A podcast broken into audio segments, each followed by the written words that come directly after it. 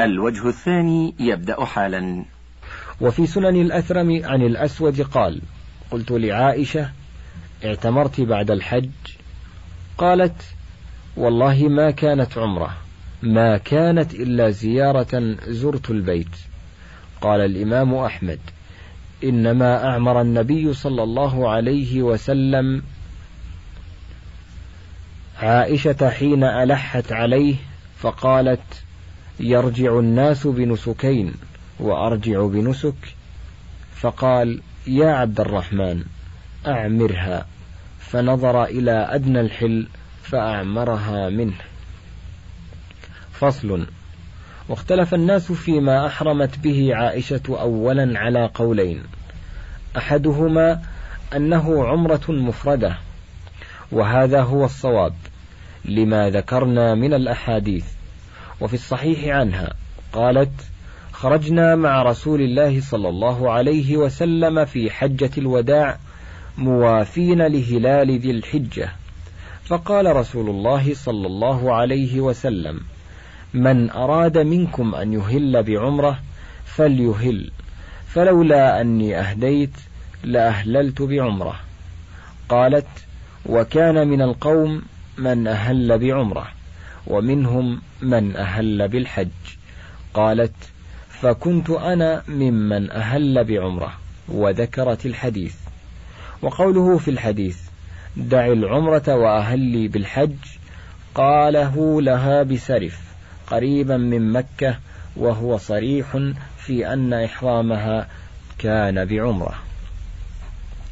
القول الثاني أنها أحرمت أولا بالحج وكانت مفردة. قال ابن عبد البر روى القاسم بن محمد والأسود بن يزيد وعمرة كلهم عن عائشة ما يدل على أنها كانت محرمة بحج لا بعمرة. منها حديث عمرة عنها خرجنا مع رسول الله صلى الله عليه وسلم. لا نرى إلا أنه الحج. وحديث الأسود بن يزيد مثله وحديث القاسم لبينا مع رسول الله صلى الله عليه وسلم بالحج.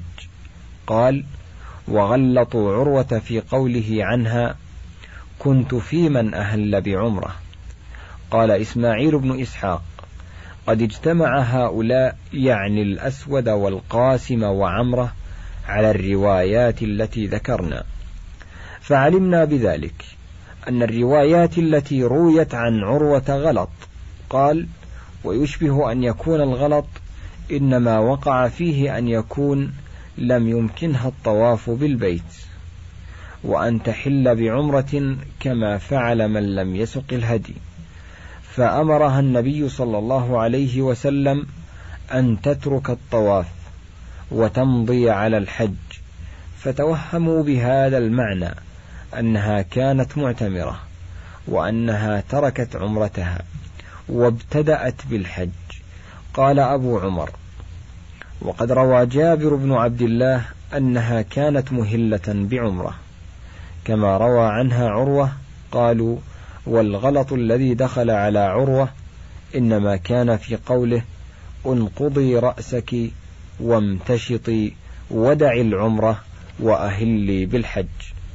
وروى حماد بن زيد عن هشام بن عروة عن أبيه حدثني غير واحد أن رسول الله صلى الله عليه وسلم قال لها دعي عمرتك وانقضي رأسك وامتشطي وافعلي ما يفعل الحاج فبين حماد أن عروة لم يسمع هذا الكلام من عائشة.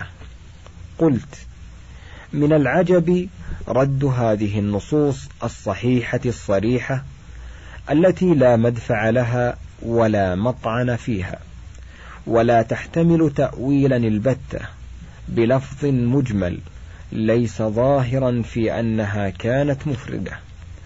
فإن غاية ما احتج به من زعم أنها كانت مفردة قولها خرجنا مع رسول الله صلى الله عليه وسلم لا نرى إلا أنه الحج. فيا لله العجب. أيظن بالمتمتع أنه خرج لغير الحج بل خرج للحج متمتعا كما أن المغتسل للجنابة إذا بدأ فتوضأ لا يمتنع أن يقول خرجت لغسل الجنابة. وصدقت أم المؤمنين رضي الله عنها. إذ كانت لا ترى إلا أنه الحج حتى أحرمت بعمرة بأمره صلى الله عليه وسلم وكلامها يصدق بعضه بعضا.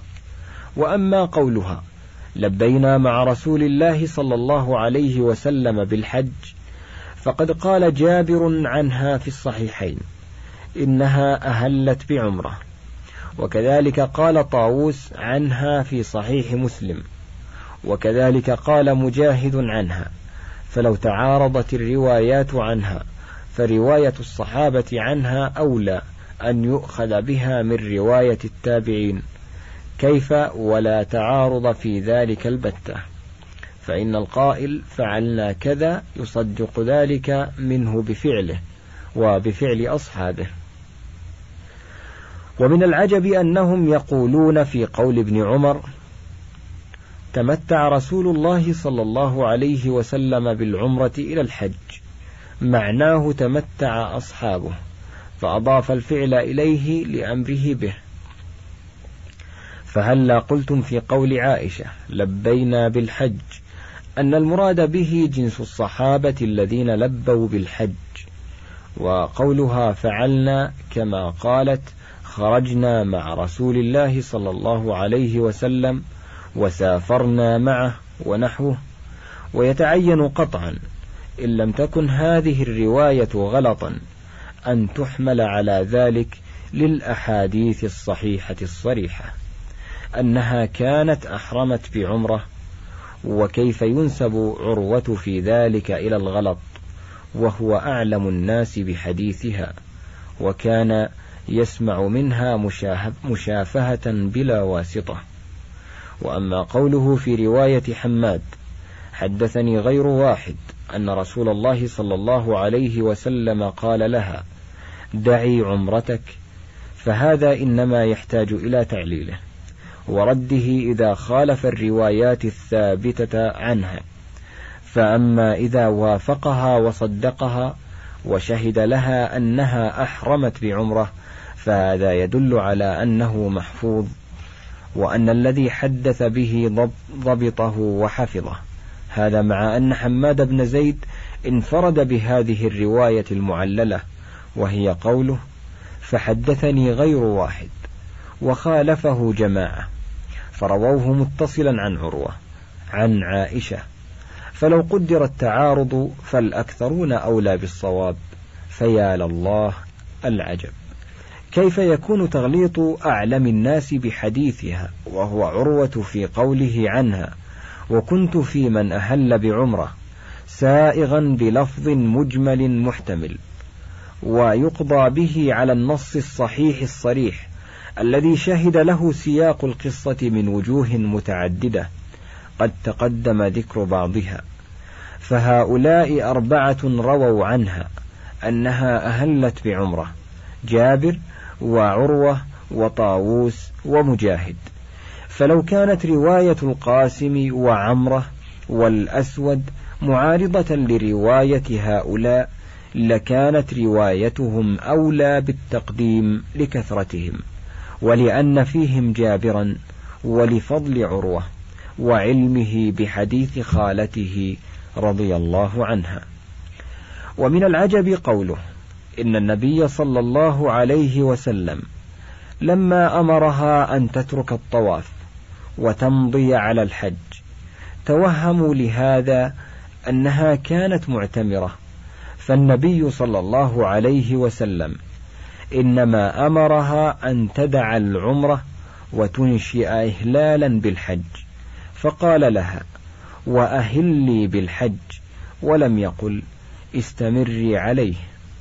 ولا امضي فيه. وكيف يغلط راوي الأمر بالامتشاط بمجرد مخالفته لمذهب الراد؟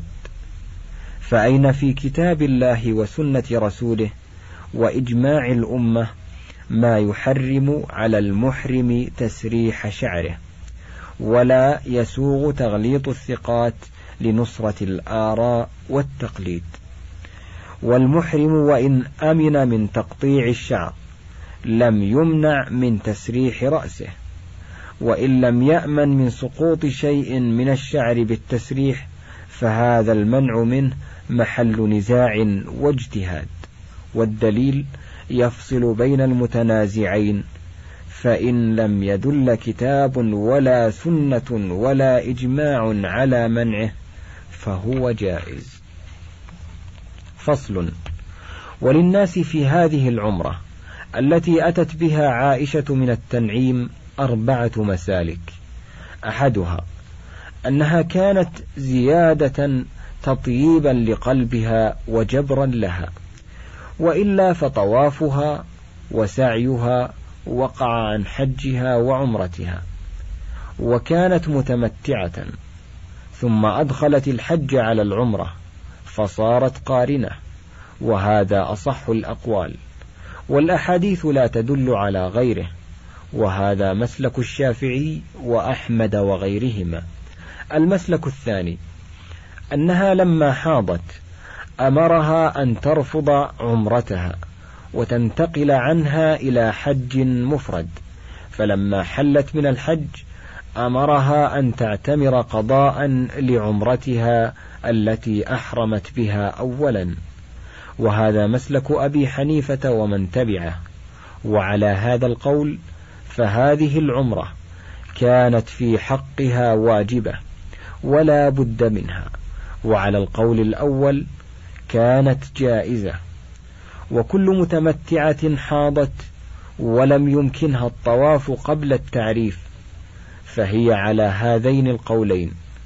إما أن تدخل الحج على العمرة وتصير قارنة وإما أن تنتقل عن العمرة إلى الحج وتصير مفردة وتقضي العمرة. المسلك الثالث أنها لما قرنت لم يكن بد من أن تأتي بعمرة مفردة لأن عمرة القارن لا تجزئ عن عمرة الإسلام وهذا أحد الروايتين عن أحمد.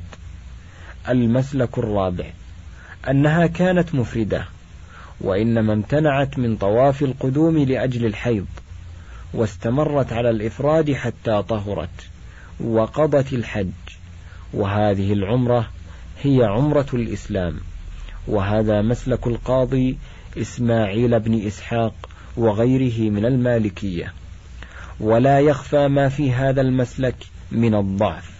بل هو أضعف المسالك في الحديث.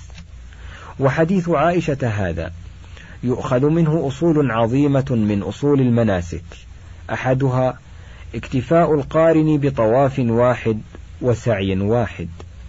الثاني سقوط طواف القدوم عن الحائض كما أن حديث صفية زوج النبي صلى الله عليه وسلم أصل في سقوط طواف الوداع عنها.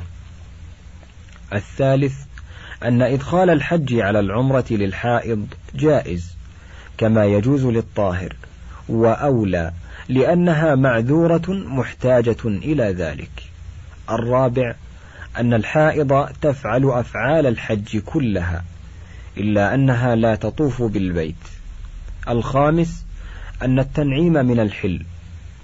السادس جواز عمرتين في سنة واحدة. بل في شهر واحد. السابع أن المشروع في حق المتمتع إذا لم يأمن الفوات أن يدخل الحج على العمرة. وحديث عائشة أصل فيه. الثامن أنه أصل في العمرة المكية وليس مع من يستحبها غيره. فإن النبي صلى الله عليه وسلم لم يعتمر هو ولا أحد ممن حج معه من مكة خارجا منها إلا عائشة وحدها. فجعل أصحاب العمرة المكية قصة عائشة أصلا لقولهم. ولا دلالة لهم فيها فإن عمرتها إما أن تكون قضاء للعمرة المرفوضة عند من يقول إنها رفضتها فهي واجبة قضاء لها أو تكون زيادة محضة وتطييبا لقلبها عند من يقول إنها كانت قارنة وإن طوافها وسعيها أجزأها عن حجها وعمرتها والله أعلم. فصل وأما كون عمرتها تلك مجزئة عن عمرة الإسلام ففيه قولان للفقهاء وهما روايتان عن أحمد. والذين قالوا لا تجزئ قالوا العمرة المشروعة التي شرعها رسول الله صلى الله عليه وسلم وفعلها نوعان لا ثالث لهما. عمرة التمتع وهي التي أذن فيها عند الميقات وندب إليها في أثناء الطريق.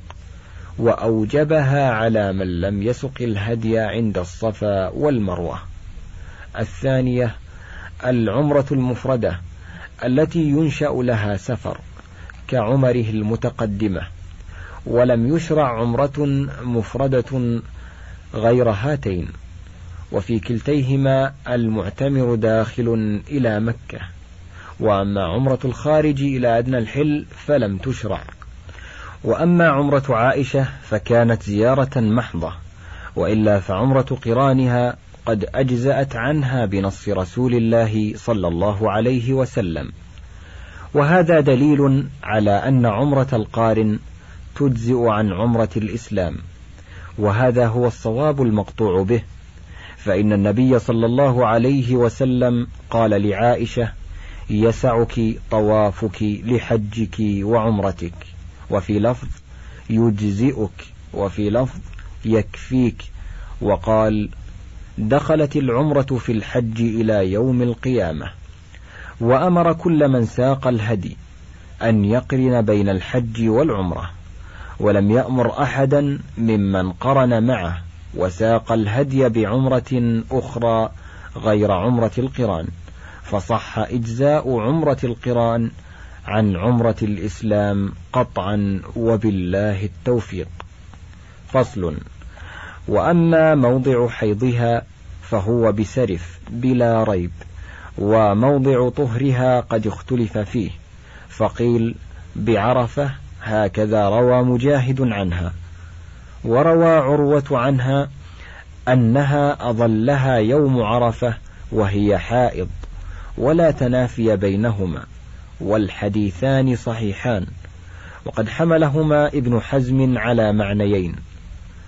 فطهر عرفة هو الاغتسال للوقوف بها عنده. قال لأنها قالت تطهرت بعرفة والتطهر غير الطهر. قال وقد ذكر القاسم يوم طهرها أنه يوم النحر وحديثه في صحيح مسلم. قال وقد اتفق القاسم وعروة على أنها كانت يوم عرفة حائضا وهما أقرب الناس منها. وقد روى أبو داود حدثنا محمد بن إسماعيل حدثنا حماد بن سلمة عن هشام بن عروة عن أبيه عنها. خرجنا مع رسول الله صلى الله عليه وسلم موافين هلال ذي الحجة. فذكرت الحديث. وفيه فلما كانت ليلة البطحاء طهرت فلما كانت ليلة البطحاء طهرت عائشة وهذا إسناد صحيح. لكن قال ابن حزم إنه حديث منكر مخالف لما روى هؤلاء كلهم عنها. وهو قوله إنها طهرت ليلة البطحاء وليلة البطحاء كانت بعد يوم النحر بأربع ليال. وهذا محال إلا أننا لما تدبرنا وجدنا هذه اللفظة ليست من كلام عائشة فسقط التعلق بها لأنها ممن دون عائشة وهي أعلم بنفسها. قال وقد روى حديث حماد بن سلمة هذا وهيب بن خالد وحماد بن زيد فلم يذكرا هذه اللفظة. قلت يتعين تقديم حديث حماد بن زيد ومن معه على حديث حماد بن سلمة لوجوه. أحدها أنه أحفظ وأثبت من حماد بن سلمة. الثاني أن حديثهم فيه إخبارها عن نفسها وحديثه فيه الإخبار عنها. الثالث أن الزهري روى عن عروة عنها الحديث وفيه فلم أزل حائضا حتى كان يوم عرفة. وهذه الغاية هي التي بينها مجاهد والقاسم عنها لكن قال مجاهد عنها فتطهرت بعرفة والقاسم قال يوم النحر. فصل عدنا إلى سياق حجته صلى الله عليه وسلم. فلما كان بسرف قال لأصحابه من لم يكن معه هدي فأحب أن يجعلها عمرة فليفعل ومن كان معه هدي فلا. وهذه رتبة أخرى فوق رتبة التخيير عند الميقات. فلما كان بمكة أمر أمرا حتما من لا هدي معه أن يجعلها عمرة ويحل من إحرامه ومن معه هدي أن يقيم على إحرامه ولم ينسخ ذلك شيء البتة. بل سأله سراقة بن مالك عن هذه العمرة التي أمرهم بالفسخ إليها هل هي لعامهم ذلك أم للأبد؟ قال بل للأبد وإن العمرة قد دخلت في الحج إلى يوم القيامة. وقد روى عنه صلى الله عليه وسلم الأمر بفسخ الحج إلى العمرة أربعة عشر من أصحابه. وأحاديثهم كلها صحاح وهم عائشة وحفصة أم المؤمنين. وعلي بن أبي طالب وفاطمة بنت رسول الله صلى الله عليه وسلم وأسماء بنت أبي بكر الصديق وجابر بن عبد الله وأبو سعيد الخدري والبراء بن عازب وعبد الله بن عمر وأنس بن مالك وأبو موسى الأشعري وعبد الله بن عباس وسبرة ابن معبد الجهني وسراقة بن مالك المدلجي رضي الله عنهم ونحن نشير إلى هذه الأحاديث. ففي الصحيحين عن ابن عباس قدم النبي صلى الله عليه وسلم وأصحابه صبيحة رابعة مهلين بالحج فأمرهم أن يجعلوها عمرة فتعاظم ذلك عندهم فقالوا يا رسول الله أي الحل؟ فقال الحل كله. وفي لفظ لمسلم قدم النبي صلى الله عليه وسلم وأصحابه لأربع خلون من العشر إلى مكة وهم يلبون بالحج فأمرهم رسول الله صلى الله عليه وسلم أن يجعلوها عمرة.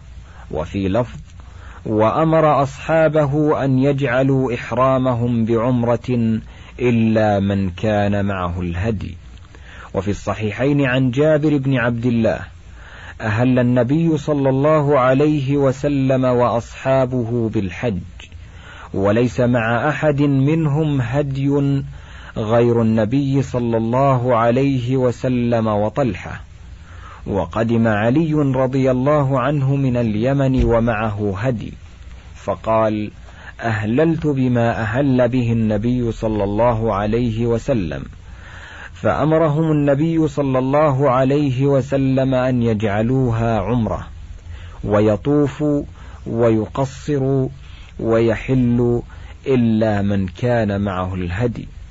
قالوا ننطلق إلى منى وذكر أحدنا يقطر فبلغ ذلك النبي صلى الله عليه وسلم فقال لو استقبلت من أمري ما استدبرت ما أهديت ولولا أن معي الهدي لأحللت وفي لفظ فقام فينا فقال لقد علمتم أني أتقاكم لله وأصدقكم وأبركم ولولا أن معي الهدي لأحللت كما تحلون ولو استقبلت من أمري ما استدبرت لم أسق الهدي فحلوا فحللنا وسمعنا وأطعنا وفي لفظ أمرنا رسول الله صلى الله عليه وسلم لما أحللنا أن نحرم إذا توجهنا إلى منى.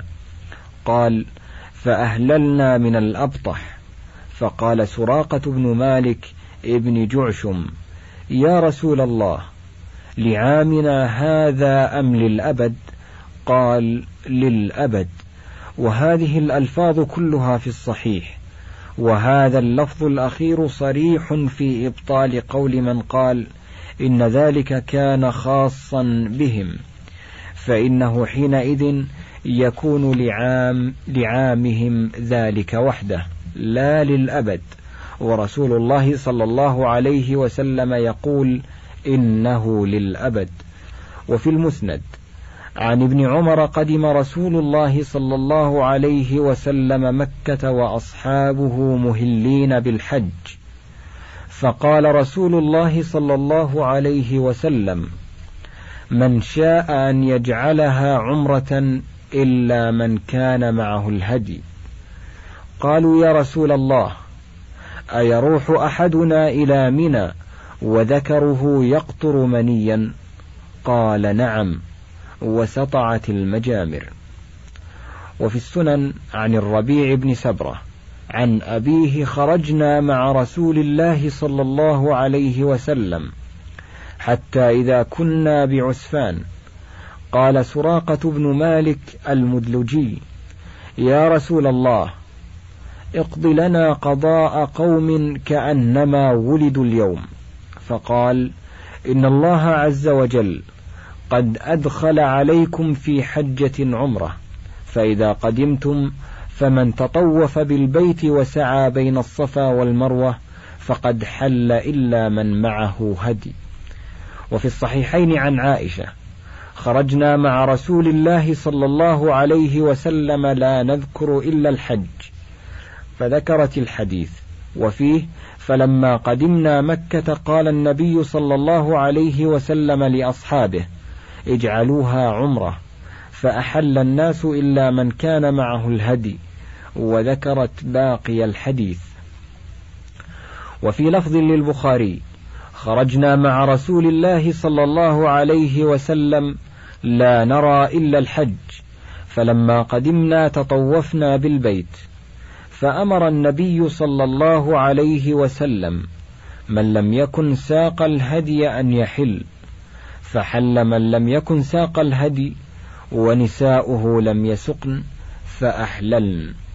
وفي لفظ لمسلم دخل علي رسول الله صلى الله عليه وسلم وهو غضبان. فقلت من أغضبك يا رسول الله؟ أدخله الله النار. قال أو ما شعرت أني أمرت الناس بأمر فإذا هم يترددون ولو استقبلت من أمري ما استدبرت ما سقت الهدي معي حتى أشتريه ثم أحل كما حلوا. وقال مالك عن يحيى بن سعيد عن عمرة قالت سمعت عائشة تقول خرجنا مع رسول الله صلى الله عليه وسلم لخمس ليال بقين من ذي القعدة. ولا نرى إلا أنه الحج. فلما دنونا من مكة أمر رسول الله صلى الله عليه وسلم من لم يكن معه هدي إذا طاف بالبيت وسعى بين الصفا والمروة أن يحل. قال يحيى بن سعيد فذكرت هذا الحديث للقاسم بن محمد فقال أتتك والله بالحديث على وجهه. انتهى الشريط الواحد والعشرون من كتاب زاد المعاد وله بقية على الشريط الثاني والعشرين.